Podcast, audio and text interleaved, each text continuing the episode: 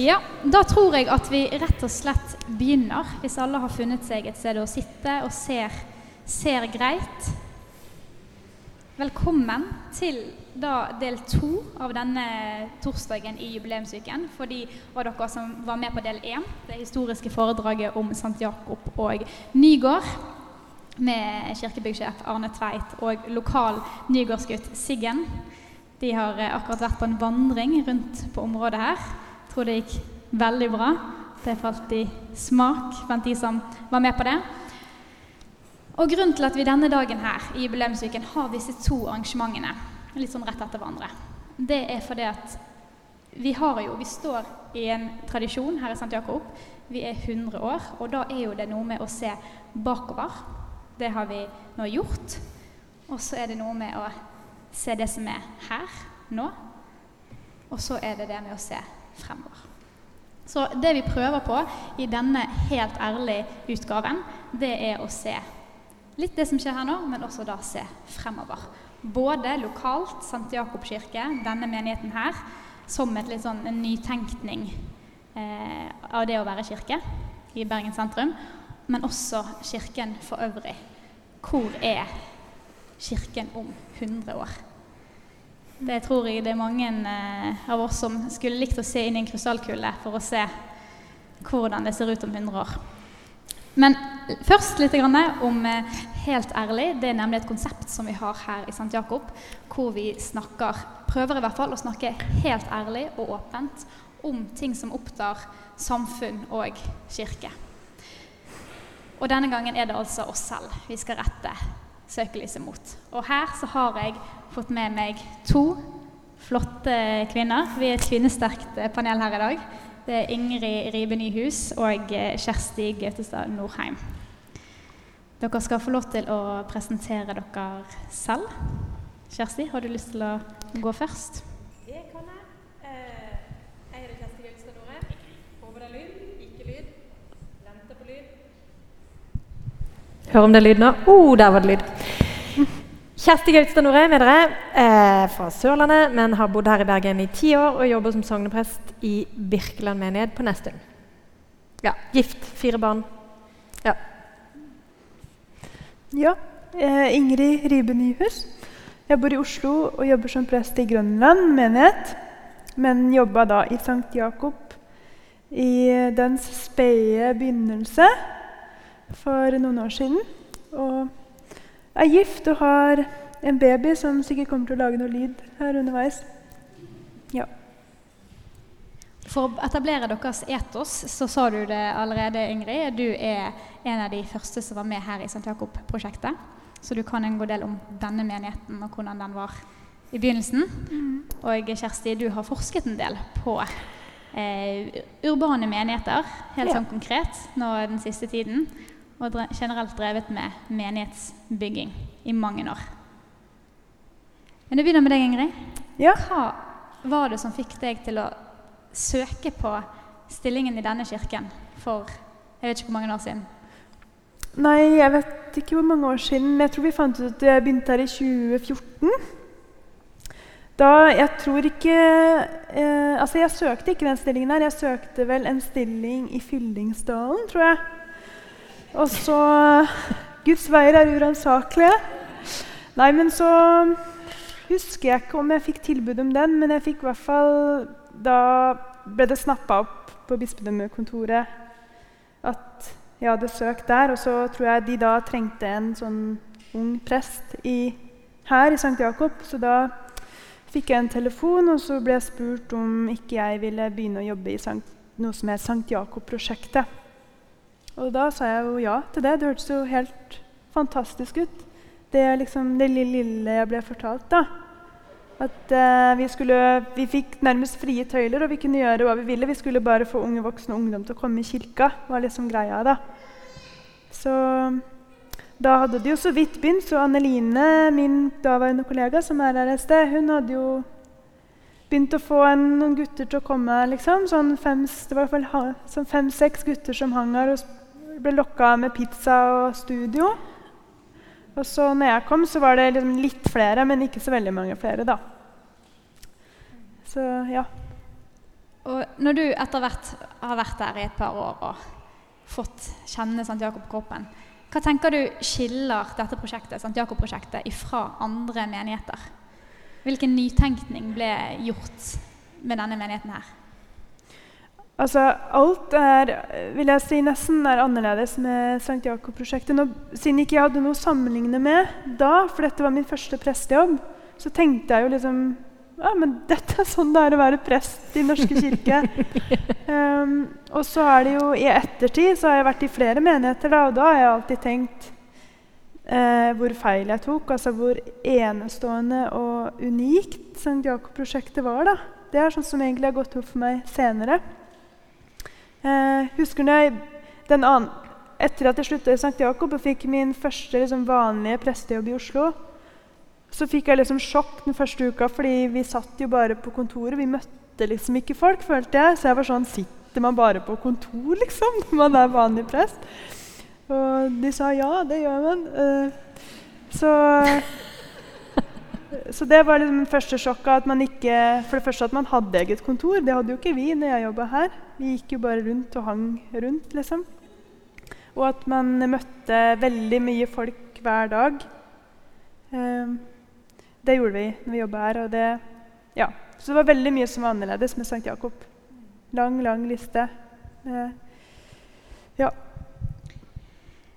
Kjersti, du har arbeidet mye med menighetsbygging, bl.a. i Estland. Det stemmer. Er det noe som går igjen, synes du, i arbeidet med å bygge menighet, om det er så i Estland eller i, i Norge?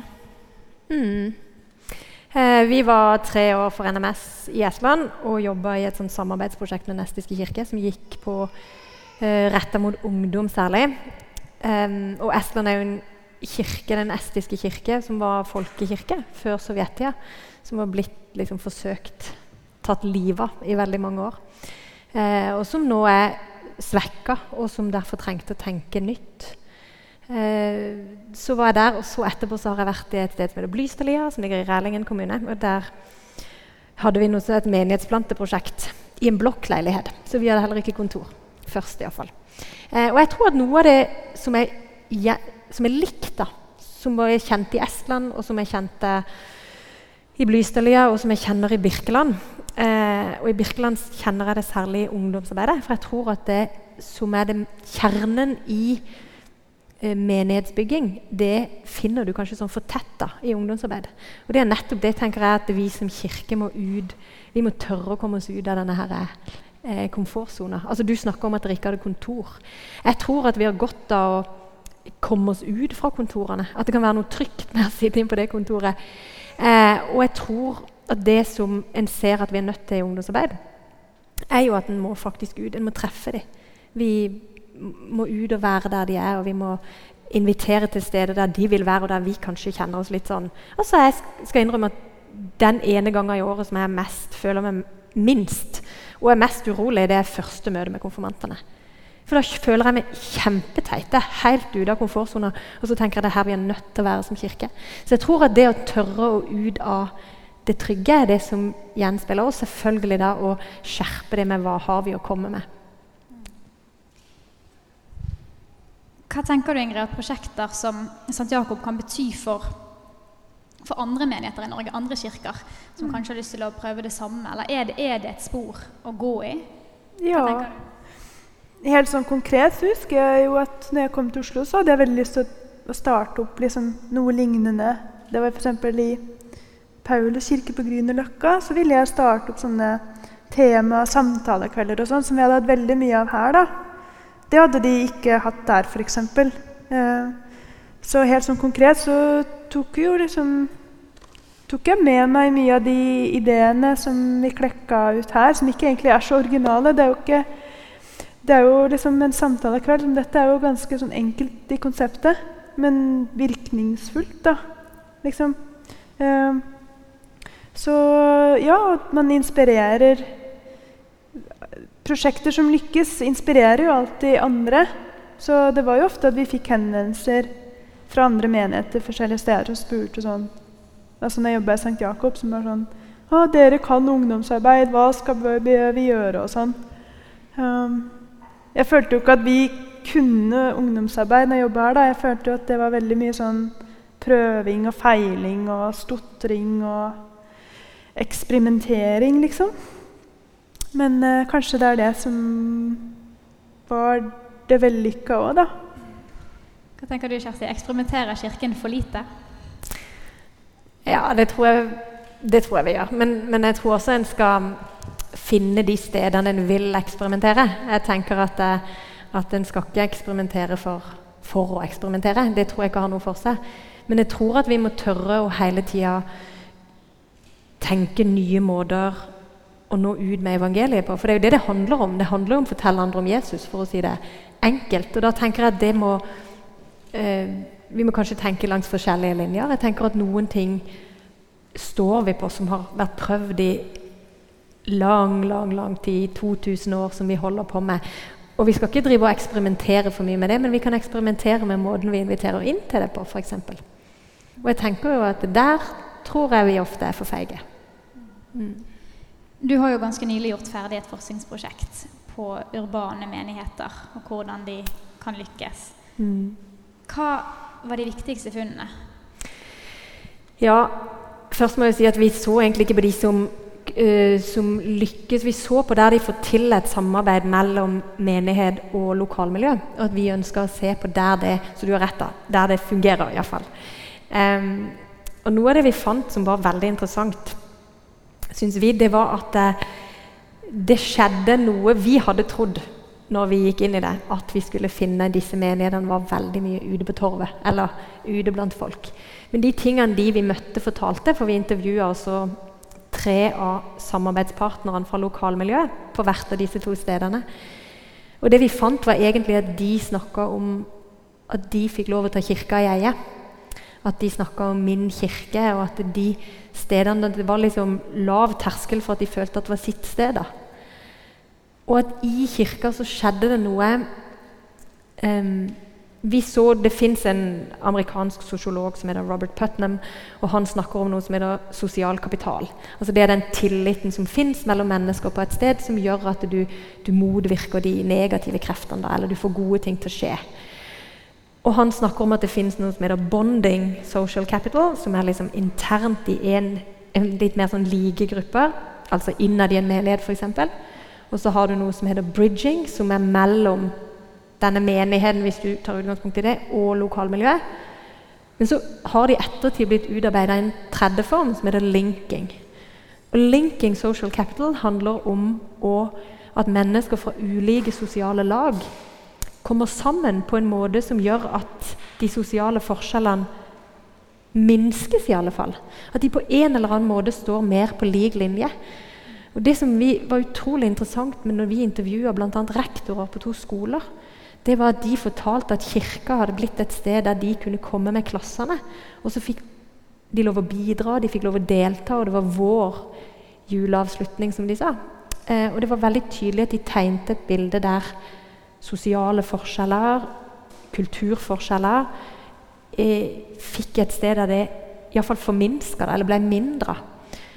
Og det overraska oss kanskje litt. At gudstjenesten, for det var det de snakka om, ble et sånt sted. Der alle deltok på lik linje. Og det tenker jeg jo at eh, I alle fall for meg noen, ga meg noen nye tanker da, om hva det vil si å feire gudstjeneste. Veldig spennende.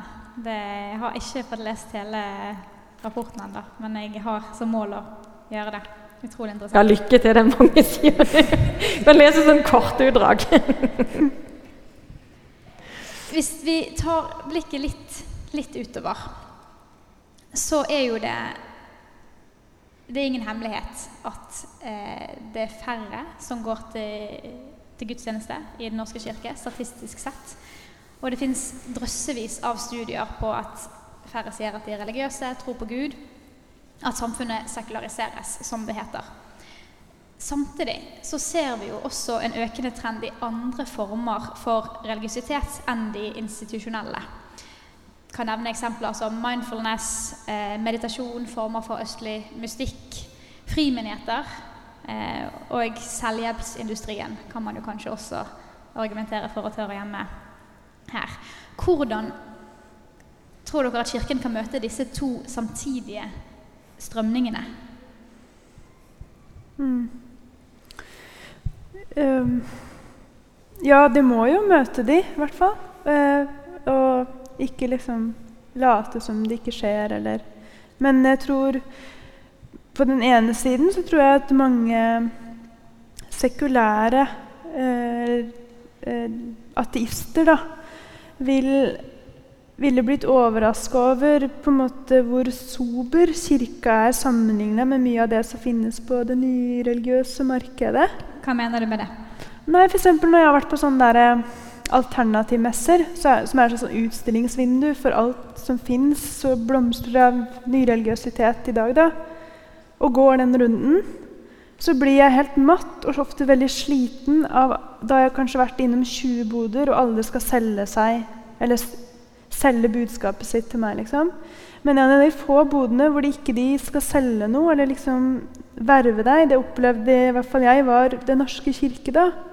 Hvor det er bare sånn Du kan sitte ned, så kan vi tenne et lys for deg hvis du vil. Altså, et, Da tenkte jeg sånn herre Yes! Da er det håp, liksom. Fordi det er et sted man slipper å bli Der kan man komme og hvile, og så er det ikke det er ikke så mye humbug. Tenker, det er det jeg mener med sobert alternativ. Da, at jeg tror mange tenker De som ikke kan så mye om kristendom og teologi, de kanskje ville blitt overraska over liksom, det, det, er liksom en historisk religion som er ganske um, fornuftig. Det er ikke så mye sånn crazy greier som uh, Så kanskje mange ville ha funnet seg mye mer til rette, egentlig, i vår liksom, livsanskuelse enn mye av det som er alternativet i dag. Da, på, altså, da tenker jeg på sånn mye sånn nyreligiøsitet. Da. Og mye sånn spiritualitet som er mye mer sånn eh, Ikke så transparent. Og, altså, kristendommen er i hvert fall spiller med åpne kort og er transparent, og man kan studere. Det er liksom vitenskap og, og uh, Ja. Så det er Det var veldig langt og kronglete svar, kanskje, men det er én måte å møte kanskje det sekulære på. Og vise oss litt mer fram som et fornuftig alternativ til mye. Um, mm. Så tror jeg det er en ting som en fare som ligger der. for jeg, Nå var vi på sånn um Aksjon Dåp inspirasjonsseminar i går, og da viste de dåpstallene. Og da kan en jo bli helt sånn mørkeredd sant, og tenke Er det så lavt? Og så eh, å jobbe ut fra en sånn frykt. da, Frykten for at nå mister vi alt, eller den der følelsen at du bare får lyst til å holde fast i ting. Eh, mens jeg vokste opp, jeg var ung på 90-tallet, det begynner å bli noen år siden, men det var midt i denne grunge-perioden. Og en av mine favorittfilmer heter 'Singles'. Og I 'Singles' er det ett én kommentar eh, som har liksom fulgt meg i dette, da, som jeg tenker ofte må korrigere meg sjøl på i møte med sekulariseringa. Og det er 'desperation. It's the world's worst colony'. Mm. Og jeg tenker at eh, en desperat kirke som holder fast og skal tviholde og skal si 'ikke gå, nei, bli her', det tror jeg iallfall er den største grøfta vi kan gå i. Mm. Ja, for Er det et mål at flest mulig skal døpes og konfirmeres? Og så lenge de tallene er høye, så kommer Kirken til å overleve? Jeg har lyst til å si drit i tallene for mm. tallenes skyld. For statistikken skal vi ikke si det holde igjen dette på, men selvfølgelig er det viktig at mennesker blir døpt og konfirmert. Dette er jo Jesus vi deler med dem. Eh, dette er jo frelsen. Så jeg tenker at det, eh, jeg har nok vært frustrert en del ganger på kirkas kommunikasjon. Og jeg er av og til litt sånn redd for at ikke det bare er intern kommunikasjon. Når en sier at nå synker dåpstallene, og så er det det som er skummelt. Det er jo ikke det som er skummelt. Det skumle er jo at mennesker ikke kommer til dåp. At ikke de føler behov, eller at ikke vi, er, vi klarer å by fram evangeliet, eller fortelle evangeliet, eller dele evangeliet. Da. Ja. Nei, jeg, jeg, kjenner ikke liksom, så mye sorg i hjertet ved sånne synkende dåpstall. Sånn. Jeg blir litt mer sånn Åh, må vi snakke om det der igjen? Og så blir jeg litt sånn Fuck it. Vi kan jo det er jo noe som er litt fint med at kirka ikke er så stor også. Det er at jeg føler at kirka er kan være mye mer seg sjøl når vi er en minoritet og ikke en majoritet. Det er akkurat som vi blir oss selv litt mer, når vi kan være litt mer sånn jeg vet ikke, en sånn radikal lillebror i samfunnet og ikke er den statskirka, liksom. At da kan vi være litt mer sånn Ja, oss sjøl, egentlig. Vi trenger ikke være så redd for å miste makt. Det kan bare gå én vei, og det er oppover hvis vi har veldig veldig lave dåpstall. Så ja. Litt på dette her med makt å gjøre, for det er jo, det er jo sentralt, eh, dette med at Kirken har mistet. Hvis du ser i et historisk perspektiv, så er jo det mye makt som er, går tapt, på en måte. Eh, men i hvilken grad så tror dere at Kirken sin selvforståelse har endret seg de siste årene? Og hva tror dere den vil være de neste årene? 10, 50, 100? Dere velger selv. Kjersti? Det er alltid vanskelig å skulle spå noe eller si noe om framtida. Um, men jeg tror Ingrid er inne på noe når hun snakker om dette med at det kanskje ligger noen muligheter i det. Der en egentlig tenker og selvfølgelig vil jeg at flest mulig skal bli døpt. Men men det gir oss kanskje en mulighet til å Det frir oss kanskje fra noen rammer eller noen forventninger. Dette er jo litt sånn skummelt å snakke om, for vi er jo også en selvfølgelig skal vi um, Jeg tror også at det er bra å være en kirke som en, en folkekirke. Um, men, men, jeg tenker at det ligger, noen, det ligger noen muligheter til å bli Kirka kan bli seg sjøl, som Ingrid sier, når noe blir tatt av når noen forventninger blir eh, det, annet, det, blir et annet spillerom, da. Ja, for hva, Nå nevnte du begrepet folkekirke. Mm. Hva ligger egentlig, hva legger du i begrepet folkekirke? Jeg tenker at det er en, det er en uh, kirke for folket. Uh, og jeg tenker at vi må se på det norske folk som med en tradisjon med å ha en at det fins en kirke som har vært majoritetskirken i så mange år. Eh, og Det tenker jeg har vært interessant å se i Estland, der en i, tidlig på 60-tallet satt inn en strateg som skulle gå på undersøke kirkas kjernepunkter for å gå inn der og kunne ta dem, for å helt bevisst eh, rett og slett tvinge den kirka i kne. Og det var spådd til å skje på begynnelsen av 80-tallet. Og på begynnelsen av 80-tallet så begynte jo båndene til Sovjet eller Sovjet begynte jo å åpne litt mer. Sånn at det da blomstra kirka som aldri før, så det var jo litt sånn nesten ironisk. Men, men eh, selv om den kirka da er liten i sine tall, og sånn, så er det den estiske kirke. Det er den som folk tenker på som folkekirke. Så jeg vet ikke om jeg er så redd for disse Noen er veldig opptatt av disse prosentandelene som er medlem og sånn. Jeg vet ikke om jeg er så redd for det, altså. Hva legger du i begrepet folkekirke, Ingrid? Jeg satt og tenkte på det akkurat. Bare, det er sånn begrep man liksom bruker, men hva betyr det egentlig? Jeg vet ikke. Men ja, hva jeg legger i det. Jeg, litt sånn assosiativt så tenker, ser jeg for meg liksom at det er sånn Folk bruker det som et sånn honnørord, at det er sånn lavterskelkirke. Men jeg tror at jeg tenker mer og mer at uh, lavterskel er det nye høyterskel. Altså at det bør egentlig ikke Hvis den terskelen er for lav, så virker det ikke attraktivt å komme. Men hvis, man, hvis det er litt terskel, så, så, vil kanskje folk bli mye mer nysgjerrig på hva som er der inne. Og, og, og, hvis det er på en måte forventes noe av den som kommer, så tror jeg det oppleves man opplever seg som en mye mer sånn verdifullt medlem også på en eller annen måte. Så ja. Ja, for hvordan, hvordan, måler vi, hvis vi er inne tilbake til dette med tall og sånt, da, som vi kan godt si at vi er litt for opptatt av Hvordan måler vi Kirkens verdi? Er det ut ifra antall aktive fellesskap, eller finnes det andre måter å måle, måle verdi på? Det fins i hvert fall veldig mange utrolig idiotiske måter å måle kirkelig verdi på. Men eh, til syvende og sist så er det vel Gud tenker jeg, som måler det, hva som er av gjøres av verdi i kirka. Og det er vel, og heldigvis, det er ikke nødvendigvis gjenspeiles i sånne ting som dåpstall, da, som vi henger oss opp i. Uh, men kanskje helt, helt andre ting. Som f.eks. der jeg jobber nå, i Grønland, så har vi veldig lite dåp. Uh, men noe vi har to ganger i uka, er f.eks. fattigkø. Eh, og det må jo Det må jo være pluss i boka til Gud, tenker jeg. At uh, det som skjer flere hundre hver uke som, som får mat, eh, det synes ikke i noen tall. Sånn, ofte når vi lager sånn årsstatistikk, og sånn, så er det veldig få sånne parametere. Vi kan liksom krysse den, altså den fattigkøen. Vi får liksom ikke den creden for det i de eh, standardiserte type tallene, da, eller målegreiene. Men uh, det er jo av høyeste verdi for det. Ja. ja min mor sitter i menighetsrådet i Søgne, der jeg kommer fra. Hun blir av og til tidvis ganske frustrert, det skal sies. Også når selv liksom, tjukkeste bibelbeltet opplever dette.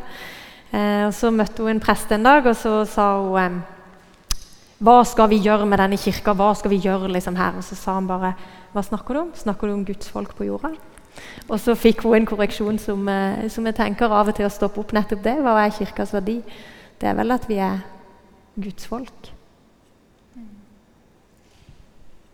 Jeg har lyst, til å gå inn på dette med at um, ofte så er, Og det å ha en personlig tro sant? Det ligger i ordet 'personlig tro'. At det er noe som er litt sånn typisk for oss oppe i Norden her at det hører privatlivet til.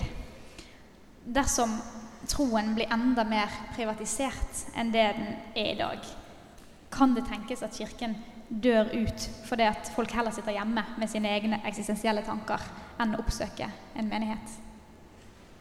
Jeg, jeg ville tippa at det der er i endring nå. At de som syns tro er en privatsak altså Hvis man skulle sett et sånn diagram på hvem som mener det, så er det sånn 50-60 pluss den generasjonen som har et mest sånn privat forhånd og ikke kan snakke om tro.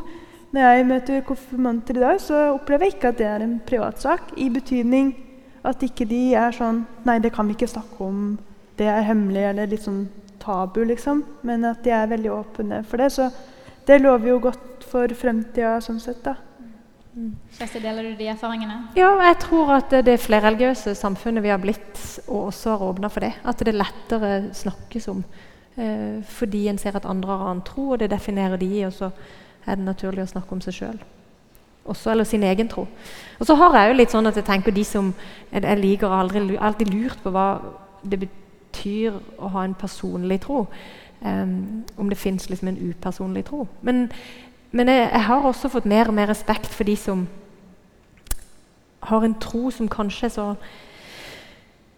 Jeg vet ikke Utrygg eller usikker at de sitter bak søylene. At jeg har eh, Det var det jo mye av i Estland, og det har jo en historie. Men, men eh, jeg tror kanskje det er det jeg opplever mest mye Eller som har prega meg mest som prester i samtaler, hvor mye skjult tro som finnes. Der en så lett at de så lett tenker at vi, har, vi ser det eller vet det. Men det fins veldig veldig mange som ber, som aldri sier det til noen. Mm. Helt ærlig har en komité, Helt ærlig komiteen, og vi var i forrige uke ute på gaten og spurte folk. Det satt litt langt inne for oss, men vi gjorde det spurte folk hva syns dere om Kirken, og en rekke andre spørsmål. Vi har laget en liten video som vi tenkte at vi skulle spille av nå. Og så ta den oss videre i samtalen.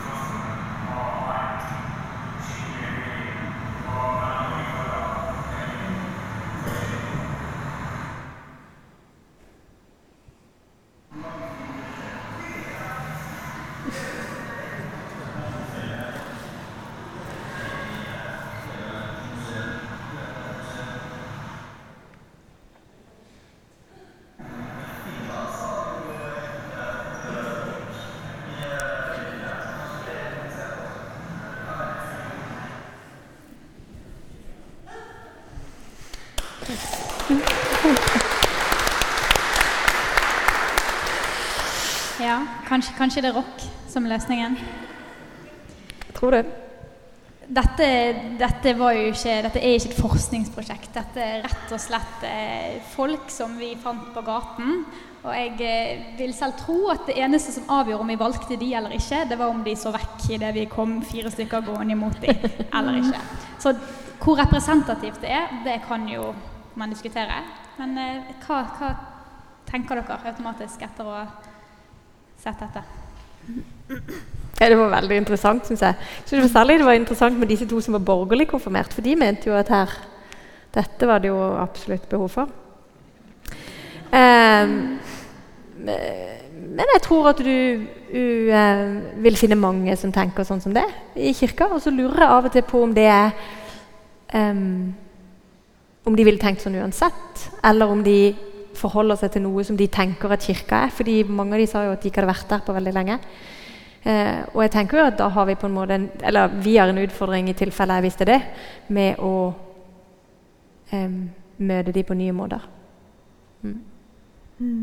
Ja, jeg syns eh, Jeg ble ikke overraska over det de svarte. Var, jeg tenker at det der var ganske representativt, egentlig. Eh, er, det stor, er, det blitt større avstand mellom det Kirken tenker om seg selv, og det folk tenker om Kirken? Så, jeg vet Jeg tenker jo Nei, jeg tror at Kirken vet ganske godt hva folk tenker om det. Jeg syns alltid vi snakker om sånn Hvordan kan vi bli relevante? Hvordan kan vi få folk til å tenke at vi er noe mer enn et museum? Eh, så osv. Men altså Noen av de svarene der kan jo eh, på den ene siden virke litt sånn nedslående, men så vi kan snu på det. Altså, det er noe som er fint med at noen av de sier at ikke de trenger Kirken nå. Så, så fint for de, men når eh, noen av de mister noen i livet, og det skal være begravelse, så kommer 95% av de til å velge kirkelig begravelse fordi de merker at det er de som klarer å tilby noen, noen svar når krisen inntreffer, f.eks., og livet plutselig blir snudd på hodet. Så selv om de sier sånn når de er 20 år eller 40 år, eller, så vet vi også at sånne ting kan snu. Og det er også noe som er veldig sterkt og fint med at noen som ikke har vært i kirka kanskje på 50 eller 60 år før de skal dø, sier at de vil ha kirkelig begravelse, da er det jo noe der som sitter eller ligger ganske djupt. da. Eh, så man kan jo også snu på det og si at eh, tenk at fire kirkebesøk i livet har gjort så inntrykk at det er det de velger. Liksom. En gjenganger hos de vi spurte, eh, det var jo også dette med at kirken den kan, godt, den kan, godt, bestå. Den er fin og sånt, og den er sikkert viktig fordi den er viktig for. Men det er ikke meg. Mm. Dersom flere og flere slutter å definere seg som de den er viktig for, hva, hva vil skje da med Kirken? Nei, hva vil skje da?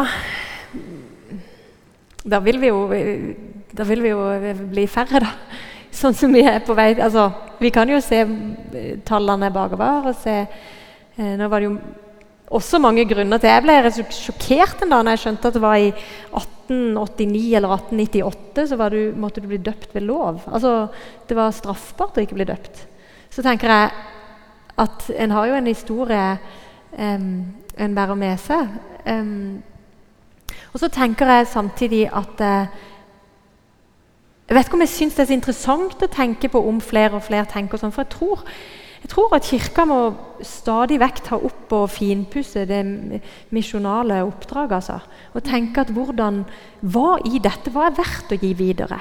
Hva er verdt Hva, hva bærer oss? Hva er vi satt til å gi videre? Hva, hva er vi i verste fall villig til å dø for. Og jeg tenker noen ganger at det finnes andre i andre steder av verden som kan vise oss det bedre, og som kan hjelpe oss med deres blikk på hva, hva er det virkelige her. Dette med å være oppdatert, med i tiden, tilpasse samfunnet, være relevant, mm. det er jo også noe som dukker opp her blant svarene. Og her i St. Jakob så har vi jo fullt lysrigg og band og alt som er på alle gudstjenestene våre. Og det er mange her som sikkert vil si at uh, vi, vi, henger med. Vi har modernisert Kirken. Ingrid, kan det bli Er det veien, eller kan det bli for mye? Uh, jeg blir litt svett når jeg hører det. Men jeg, men jeg, tenker også at det ikke Det er kanskje litt nedlatende, men jeg tenker at ikke de helt vet hva de sier noen ganger. At når de snakker om at det er viktig å henge med i tiden og være moderne, sånn, så tror jeg ikke de mener egentlig lyskastere. Eh, det ville jo vært for dumt. på en måte. Jeg tror at heller det, det de eh, prøver å sette ord på, er det noen andre sa, tror jeg, om troverdighet. Kirka må være troverdig. Eh, det kan man jo ikke være med mindre man ikke er i kontakt på en eller annen måte med sin samtid og evangeliet. Eller, ja. Jeg, jeg innbiller meg at det er egentlig det de etterspør, da. Ikke lyskastere. Det er liksom det er veldig fint med lyskastere, det er ikke det. men det er ikke det som gjør at folk skal komme i kirka. Da kunne det bare vært et kulturhus. Så. Ja, Det er jeg helt enig i. Jeg husker at eh, et av bryggeriene i Norge for noen år siden skulle, skulle begynne å drive med reklame gjennom å bygge ungdomsarbeid. Altså de skulle, og da, Det de skulle gjøre da, var å finne de kuleste ungdommene, og så skulle de få med seg mange. Og med det så skulle de vinne. Det er jo, ikke, det er jo en grunn til at det ble lagt ned. Fordi at jeg tenker jo For alle som har drevet med ungdomsarbeid, så vet en at det, ja da, det er klart det funker med sånn flirty fishing i en liten stund, men det er jo ikke det de kommer for jeg, jeg, tenker at Hvis vi som kirke tenker at hvis vi blir for opptatt i fall, av disse ytre tingene og at vi skal ha det fineste utstyret, um, så tror jeg vi vil oppleve at noen kommer for det, og så er det ikke det som en jeg, jeg tror ikke det er der de finner noe, noe varighet, iallfall. Og jeg tenker at det å, å heller stadig vekk da leide etter hva vi har, hva som er budskapet vårt, hva er evangeliet, eh, og gi det, og det får mange. Det får uttrykk av typen kø for utdeling av mat til fattige. Det får typen av ungdomsarbeid der du ser 20-åringen hjelper 17-åringen, eller andre former der dette vil vise seg. Og Det er som regel noe helt annet enn kulhet. Mm. Dere får begge to spørsmål til før vi slipper til eh, domprost Gudmund Waaler med en respons til denne samtalen. Hva tror dere vil være Kirkens største utfordring de neste 100 årene? Og oppfølgingsspørsmål hva tror dere kan være Kirkens største mulighet?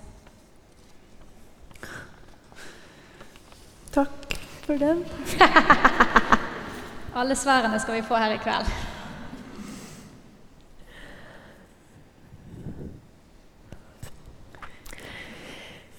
Utfordring og mulighet er det du vil ha, sant? Eh, nei, jeg tror utfordringa er å Nå har jeg jo sagt det flere ganger, da, men jeg tror utfordringa er å, å hele tida sjøl både leve i og eh, jobbe for å se klart, eller be om kanskje aller mest at Den hellige ånd skal vise oss klart hva det er vi har å gi videre.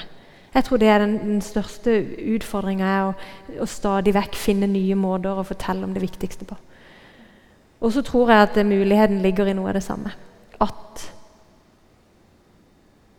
Gud er her nå, og Gud vil også de menneskene vi møter, nå de menneskene, være med de menneskene. Jesus ga sitt liv for dem. Jeg tenker at det, det er like, like, aktuelt nå som det var for 2000 år siden. Mm. Ja, jeg hekter meg litt på det. Kanskje største utfordringen er eh, at ikke Kirka må miste seg sjøl i forsøket på Eller kanskje i frykt for å synke under dåpstall osv. osv. At den begynner å gå på akkord med seg sjøl eller bli litt mindre kirke på en eller annen måte. Det tenker jeg ville være den store faren. Og muligheten Ja, det må jo ha noe med at Gud fins å gjøre, da. Og da er jo alt mulig. Da er jo kjærlighet mulig i de rareste steder. Og frelse er mulig i de merkeligste steder. Og håp kan finnes, finne vei i de mørkeste kroker. Og alt det der kan Kirka liksom tilrettelegge for å fortelle om at skjer, da. Det tror jeg er stor mulighet. Takk til dere i denne omgang. Dere skal få lov til å bli sittende. Det vi åpner for spørsmål litt seinere. Gudmund skal få komme opp nå, men først en applaus til Ingrid og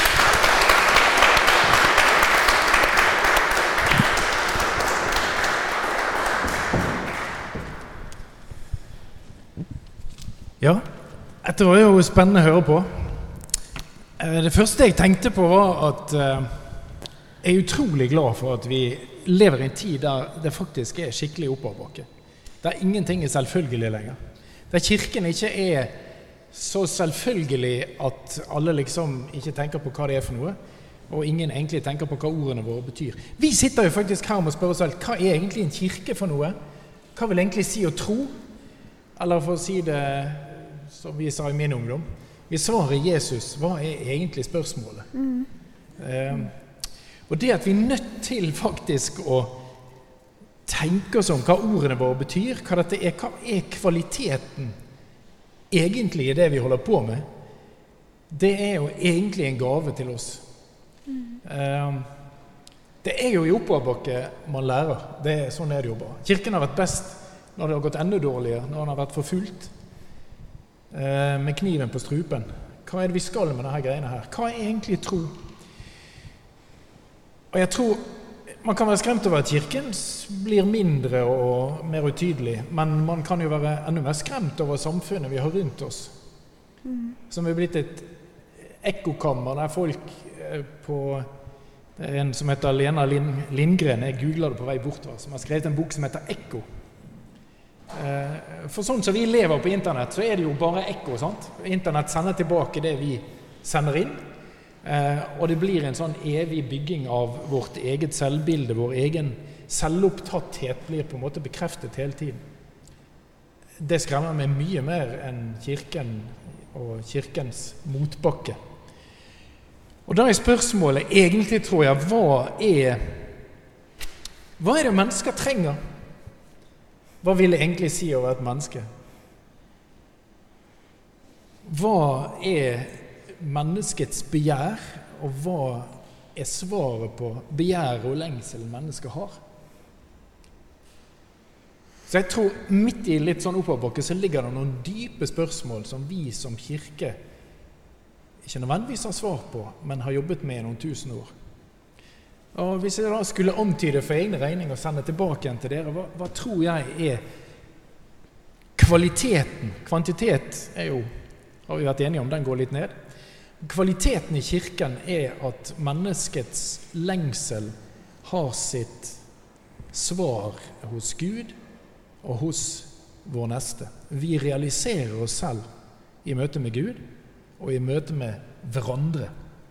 Og bygger vi et fellesskap her inne med kvalitet der mennesker er villige til å gi livet for hverandre, som det står i Bibelen, så blir det et fellesskap som er så verdifullt at da blir vi de vi blir, og det har en kvalitet i seg sjøl.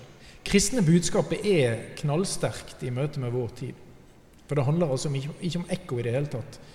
Å realisere seg selv som et menneske, det skjer i fellesskap. Gud er fellesskap. Gud er kommunio. Han er tre igjen. Og det er i fellesskap med Gud og hverandre vi blir mennesker. Og det er egentlig dypeste såret på hele, på hele eksistensen vår. Eh, å realisere seg selv. Og det kan vi gjøre i Kirken.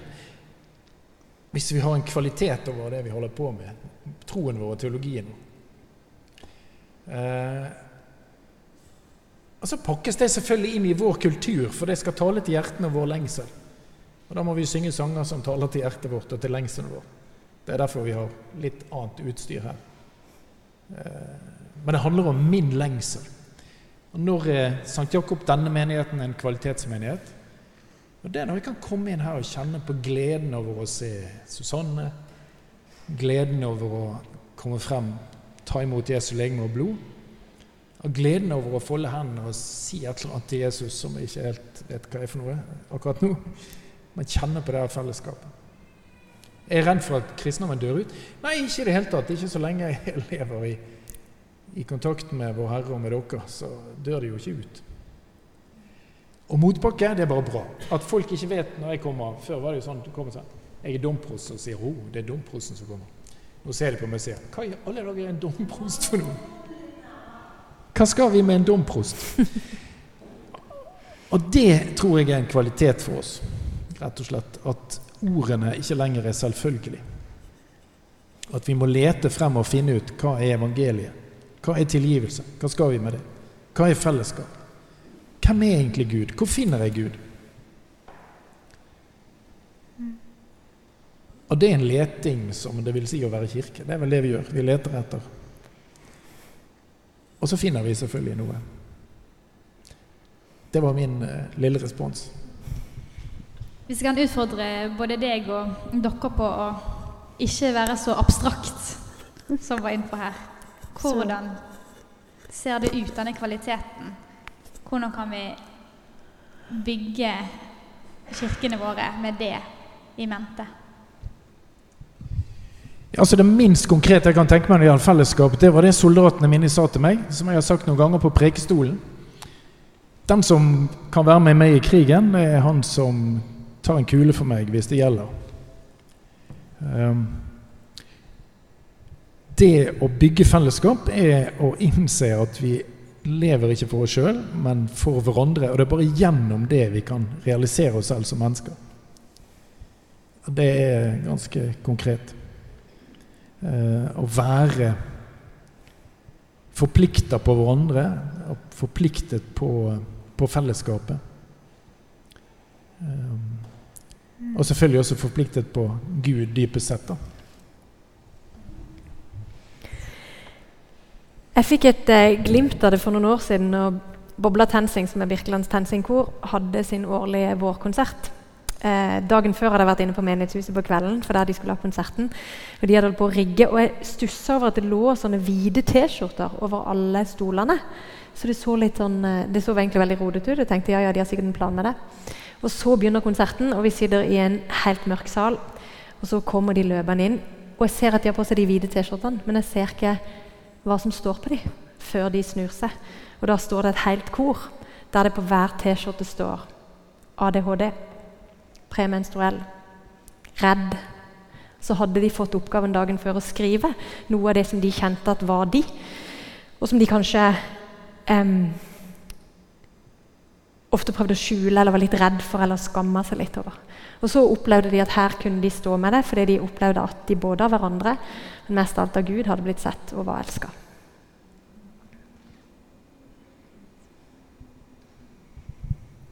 Takk til deg, Gudmund. Det var veldig fine tanker. Mm.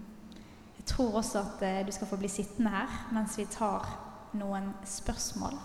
Hvis det er noen som har, brenner inne med et eller annet, så er dette sjansen deres til å stille dette fantastiske panelet noen spørsmål rundt Kirken og fremtiden til den. Sean?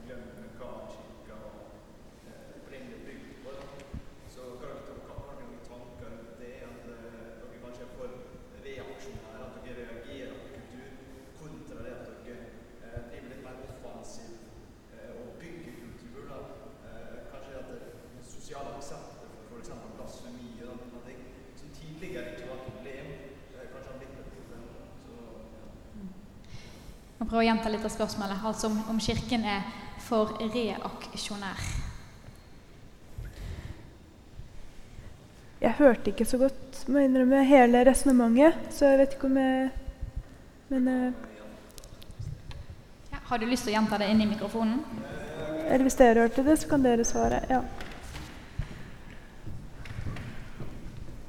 Ja, uh, Det knytta til om kirka da er proaktiv eller reaktiv.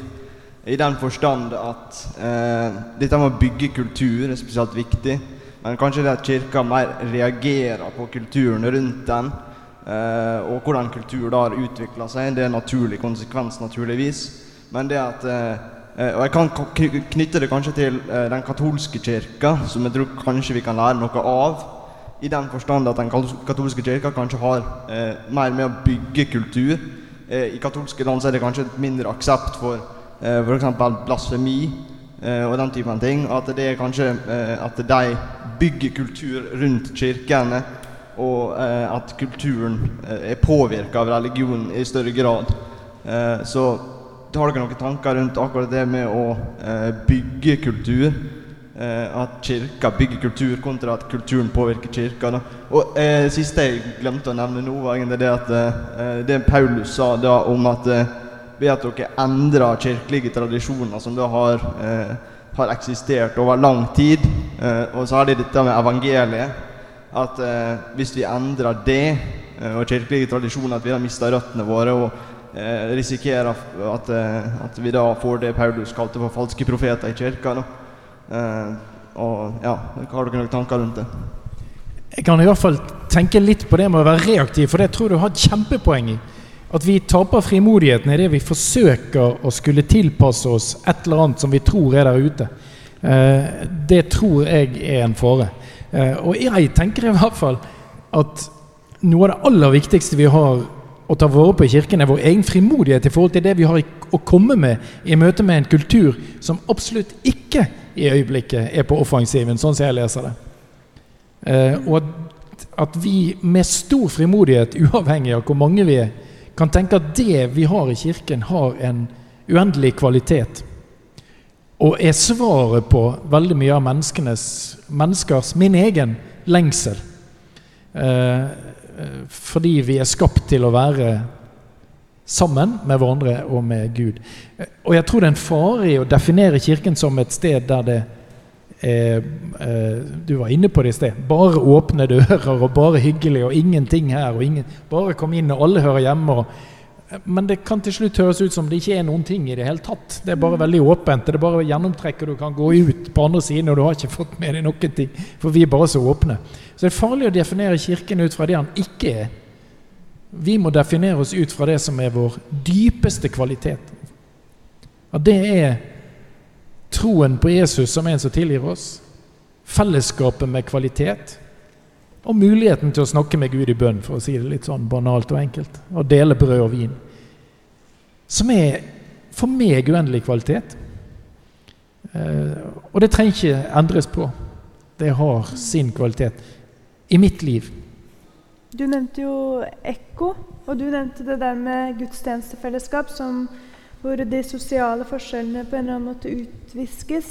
Dette er kanskje ikke helt svar på de spørsmålene, jeg beklager det, men bare i forlengelse av det at uh, Det tror jeg også er noe som er helt uh, spesielt ved kirka i vår tid, hvor vi på en måte, så mye av hverdagen vår er styrt av algoritmer. da, og hvor vi lever mer og mer i ekkofellesskap og snart bare har venner med nøyaktig samme eh, referanser, og, og, vi bare møter folk på vår egen alder med liksom eh, Ja. Eh, verdenene våre blir så små og lukka, mens i et gudstjenestefellesskap så kan vi liksom bli tilbudt et annet type rom som ikke har noe med ekko og narsissus å gjøre. da. Eh, og som ikke er styrt av algoritmer, som fullstendig algoritmefritt. Det er jo noe å selge det da, i vår tid. At det fins. Har vi noen flere spørsmål? William? Takk for en veldig stimulerende og god samtale. Det får eh, enhver eh, som er glad i Kirken, til å til å tenke masse. Jeg har lyst til å ja, plukke opp uh, to ting. Først en egen kjepphest. Um, eneste kirken i Europa som egentlig kan snakke om å ha hatt vekst de siste 40 årene, er jo den ortodokse kirke. I Hellas og i Serbia og i, i uh, disse landene som er ortodokse, Ukraina. Og man kan ikke bare skylde på østblokken at den ble åpna, for de katolske landene har ikke hatt samme De har i hvert fall avtatt den veksten nå. Men eh, så det første spørsmålet er hva er grunnen til det? Har vi noe å lære av våre ortodokse søsken? Det andre, det var som jeg egentlig eh, var mitt hovedspørsmål, var eh, Kjersti nevnte martyriet. Og Kirken i nedgangsperioder eh, kan man vel kanskje spørre seg noe, Man må være martyr på et eller annet nivå. Og da har jeg lyst til å stille dere et personlig spørsmål, dere fire som sitter her, som alle er aktive i Kirken. Eh, hvilket, hvilken tenkt ikke, ut, ikke liksom, Det kommer ikke noen nazistisk bevegelse i Norge de neste fem årene, og heller ikke noe eh, stalinisme, liksom. Men hvilket tenkt martyri er du villig til å bli uttenkt i VG for? Hva er du villig til å liksom si 'Dette er kristendom', og jeg er villig til å miste populariteten i befolkningen jeg er villig til å på en måte dø kulturelt. Jeg er villig til å bli en martyr for. Har vi det i Norske kirke? Og, eh, og hva ville en sånn situasjon vært for dere personlig? Det er en um, litt åpent og direkte spørsmål. Kan du gjenta? Jeg hører bare tredjedel. Eh, det var vel først uh, dette med den ortodokse kirken. At uh, den er den eneste i Europa som har vokst de siste ah. 40 årene. I Europa? I Europa. Okay. Dere har noen tanker om hva det er de gjør, som vi kanskje burde se til. Og så dette med martyriet. Hva er det er altså martyriet? Det er kanskje ikke det som er, altså Dø for sin tro er kanskje ikke det som de fleste gjør i dag, men man kan jo snakke om et kulturelt eh, martyrie. Ja. ja. Og da var det vel perso en personlig, et personlig spørsmål til, til, dere. Men hva er det som er deres kulturelle, eller hva er det deres martyrie? Hva er dere villige til å gi opp for, for troen? Mm. Hva må Kirken holde fast på? Hva kan man tenke seg at vi kan, på samme måte som Kirken i andre perioder, har måttet bli martyrer for sin kultur, for å være kirke? Hva er dere villige til å miste jobben Og uh, underforstått i spørsmålet uh, Er det ikke i Den norske kirkes vesen at vi ikke er villige til det i det nesten sånn at jeg eh, ikke vet om det er mulig å tenke meg hva, hva det ville vært. Eh, sånn, sånn, fordi at det, denne tanken om å du tegner det opp rad av hvor kanskje dø er dø kulturelt, eller bli en ikke, eller bli utstøtt på en eller annen måte. Eh, men jeg tenker jo at noen av, hvis du spør om egentlig liksom, hva, er, hva, er, kjerne, hva er det å dø for her, eh, så tenker jeg at for min del så handler det om troen på Jesus, at Gud blir menneske og gir livet sitt for oss mennesker. Er ubegivelig i, i, i kirka, i den kristne troen. Og uten det, altså uten korset, da, som egentlig er et anstøt, som egentlig er jo forferdelig at vi har som symbol, eh, så så er vi ikke kirke. Til det ortodokse. Vi har jo en ortodoks kamerat. Eh, og han eh, har en ekstrem tro på eh, sitt eget prosjekt. Og viker ikke en tomme på det ortodokse troen. Han tror rett og slett han er rettroen. Og er jeg tror, jeg tror, den troen på at du har noe som andre bare kan få her, og er, er noe som kjennetegner det ortodokse. Det kjennetegner ikke oss eh, spesielt mye. Vi er nok mer spørrende og usikre på hvem er vi egentlig, og hvorfor er vi her egentlig. Eh, men det som er vår fordel, da, er at vi kanskje nettopp fordi vi er usikre eh, og er på leit etter hva vil det si å være kirke i vår tid, kan komme til å bety mer i fremtiden. Uh, når det gjelder hva jeg er villig til å dø for Jeg tror det som er snublende nært i vår tid, er alt som handler om menneskeverd, rett og slett. Om jeg er villig til å dø for det sosialt eller kulturelt, det får dere jo teste meg på når så langt kommer. Eh, men det må være det som er selve saken. Eh, jeg snakket i sted om menneskets lengsel.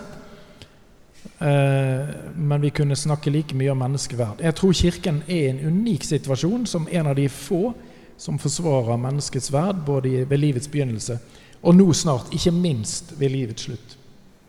Og det er ikke spesielt populært. Det er ikke poppis å være mot eutanasi eller å ville beskytte det ufødte liv. Uh, og Det er vel kanskje en av de tingene jeg føler at jeg kunne gjort det på. Men om jeg hadde gjort det, det vet jeg ikke. For så frimodig gidder jeg ikke være på egne vegne før jeg står der. Men det er menneskeverd, altså menneskets verdi. Kampen mot selvmordet, for den saks skyld. Mot at hvis man ikke lenger har noen kvalitet i samfunnet, så kan man bare avslutte det. Eh, tror jeg er noe vi som presser på fremover. Uh, ja, jeg skulle gjerne kunnet mye mer om ortodoks teologi. Uh, men uh, jeg har jo, sånn jeg har forstått det, så har de jo i alle fall et ganske annet eh, menneskesyn enn den katolske. Altså at de tenker ikke arvesynd på samme måte. Kanskje er det noe av det som gjør at eh, den troen på at vår gudbilledlighet gjør oss primært til gode mennesker, eh, sånn jeg har forstått ortodoks teologi, er noe som treffer mennesker i dag. Jeg vet ikke. Dette kan jo du mer om enn meg, så du burde jo ha svart sjøl, da. Men eh, jeg tror Martin Lønneboe, som er svenske biskopen, eh, sier noe sant når han sier at vi egentlig ikke er så redd for vår synd, men vår storhet, eller vår hellighet, vår gudbilledlighet, at den er mye, mye mer skremmende for oss mennesker. Den vår, ja, vår hellighet, kort og godt. At det er noe vi rømmer fra. Um, til det andre spørsmålet ditt Jeg håper jeg slipper å dø for noe. eh, for en sak. Men eh, jeg tror en Jeg tror tilgivelse er den siste, eller den tingen vi ikke kan liksom eh, gi opp, eller Ja. Mm. Vi har tid til to spørsmål til. Spørs hvor lange de er.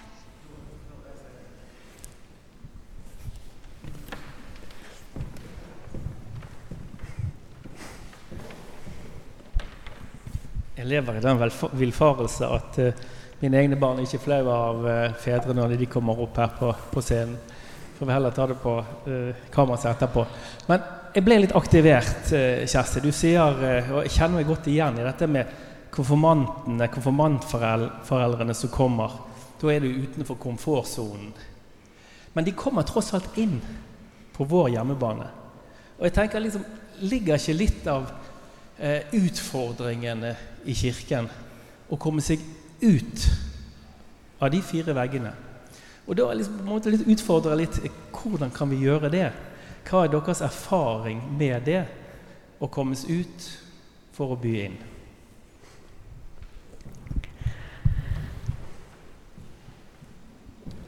Ja, jeg kan si Jeg har jo vært misjonær, så jeg burde jo kunne svare, svare på dette. Eh, I Estland ble vi virkelig møtt med hvordan vi skulle gå ut. Fordi at um, mange, der var det så mange sår fra i det landet åpna eller ble selvstendig igjen, så kom det veldig mange vestlige grupper og forkynte evangeliet på det som de opplevde var en billig måte. Så de var utrolig redde for å gå ut. De var vokst opp med at dette var noe de måtte skjule, for det avhang faktisk livet av på en eller annen måte. Eh, og hvordan gjør du det på en skikkelig måte? Hvordan går du ut på en skikkelig måte? Eh, det tok lang tid å få de med på å henge opp plakat på skolen der vi inviterte til konfirmasjon. Um, i, Blystadlia der jeg var, så var det annerledes, fordi det var en norsk kultur. Det var, det var, folk var mye mer vant til det, men, men kirka var helt fremmed. De, når vi spurte om veien første gang vi kom, så var det ingen som visste hvor kirka lå. Vi måtte stoppe mange før de kunne i det hele tatt vise oss veien eller fortelle oss hvor vi skulle kjøre. Og jeg tror at eh, da handler det mest om å rett og slett bare være der. Jeg tror Den største forskjellen vi gjorde, var at vi, vi flytta dit. Vi bodde der. Jeg møtte de hver dag. Jeg møtte de når jeg gikk til gudstjeneste. Jeg møtte de når vi gikk hjem fra gudstjeneste. Um, og som prest blir du veldig synlig, så det gjør det jo veldig mye enklere. Sånn, bare presteskjorte. Jeg tenker for, alle, for oss alle, hvordan er vi som eh, troende mennesker blant de vi lever sammen med?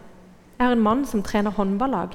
Hvordan er han kristen som trener for dette håndballaget? Hvordan, hvordan, forteller vi om troen vår? Hvordan lar vi det kanskje aller helst vise i måten vi er på? I hvilke, hva vi gir videre, hva vi, hva vi deler? Jeg tror at det er helt nødvendig at vi ikke lar Eh, og ikke Jeg vet at mange prester er veldig fort Og det er det lov å gjøre, altså, men de snipper ut den der snippen. Det er veldig forbilledlig, Gudmund, at du går med den her. Eh, jeg tenker mange ganger at det at jeg ikke tar den ut når jeg går ned på butikken, faktisk er kjempeviktig. Fordi at det, på en eller annen måte så gjør det meg tilgjengelig. Om ikke annet så kan en minne om at det, kirka er her. Eh, og, og jeg tror at vi kanskje må vi tilbake til det Ingrid begynte med. Kanskje må vi enda mer ut av kontorene, vi som jobber i kirka. Og kanskje eh, ja, skal vi finne måter å tørre å fortelle om troen på. Jeg har vært 13 år, eh, nei egentlig mer 20 år i Forsvaret og vært prest. Jeg tror vi snakker altfor lite om ubehaget ved å være steder som ikke akkurat er så kristelig. Eh, det å være der og skulle være prest, altså per definisjon profesjonell kristen, eh, skulle si ok, nå stikker vi ned her på Banjer og holder en liten andakt. Det er jo utrolig pinlig. Eh, og når da kommer mennesker Jeg var like sjokkert som de som kom. Eh, og, og, du står der på en måte så naken. Eh, og tåle, altså Når jeg kommer tilbake til kirken, så er det, altså det Vi møter stort sett bare kristne mennesker. Jeg går på møter med prestekollegaer, vi, med menigheten, med dere som er her, med andre kristelige folk. Og så forsterker vi hverandre og så forsøker vi å ha det hyggelig sammen. Og jeg tenker at det er en enorm utfordring å ikke bare leve i én boble. Eh, jeg har veldig tro på å bygge sterke fellesskap i kirken og invitere folk inn til å oppleve Gud. Men det er minst like viktig at vi ikke isolerer oss og blir en sånn getto. Eh, og at troen blir, og Gud blir en sånn greie som bare kan snakkes om inni kirken. Eh, men det er fryktelig ubehagelig mm. å være offentlig eh, kristen. Det er gøy å gå med presseskjorte, men ikke så gøy å snakke om Jesus når jeg går på eh, bar, som jeg gjør av og til, med presseskjorte. Eh, vi satt ute, meg og Katrine og en, en hedningevenninne vi har, og drakk eh, noe som ikke kan nevnes i dette rom. Og koste oss en hel kveld. Altså, til slutt så kom det tre jenter bort, på alder med de yngre her. Og så spurte de meg Er du prest på ordentlig? De hadde aldri sett en prest på bar før. Eh, ja, sa jeg. Nei, sa de. Så gikk de. Ja. Det er forskjell eh, på oss. jeg husker når jeg bodde der i Bergen, så var det sånn halloween. Så tok jeg Bybanen hjem etter at de jobba sent her i St. Jakob. Gikk med presteskjorta. da, Hadde glemt å ta den av meg. Heldigvis så bare skled jeg sånn umerkelig inn. Det var sånn masse folk som hadde kledd seg som nonner og sånn. Og alle som så meg, trodde jo bare at jeg kledd meg ut. Det er jo forskjellen på oss. da. Jeg synes jo vil jo ikke ha på meg presteskjorte på byen. Jeg syns det er så pinlig å bli liksom, å bli sånn beglodd. Men, uh, så jeg sa ikke til noen den dagen på Bybanen at uh, nei, jeg er ekte.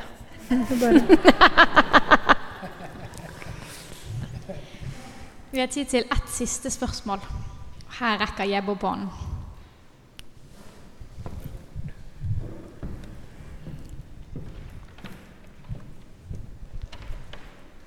ha, Susanne. Jo, det jeg egentlig har lyst til å stille egentlig litt forsamlingen òg, for den saks skyld. Um, det handler egentlig om uh, Hvis Kirken hadde fått oppgaven å finne én tekst som skal være til Bibelen Nei, til dåpen, en til bryllupet og en til begravelsen. For veldig ofte i disse sammenhengene, og de som kommer innom i kirken, de går jo egentlig aldri til kirken. Det er det eneste tidspunktet hvor de møter Kirken. Og min erfaring er at når de kommer innom, så er det en litt tilfeldig bibeltekst. En veldig tilfeldig ja, hva presten skal snakke om. Gjerne ut ifra kirkekalenderåret, da, som setter føringen der.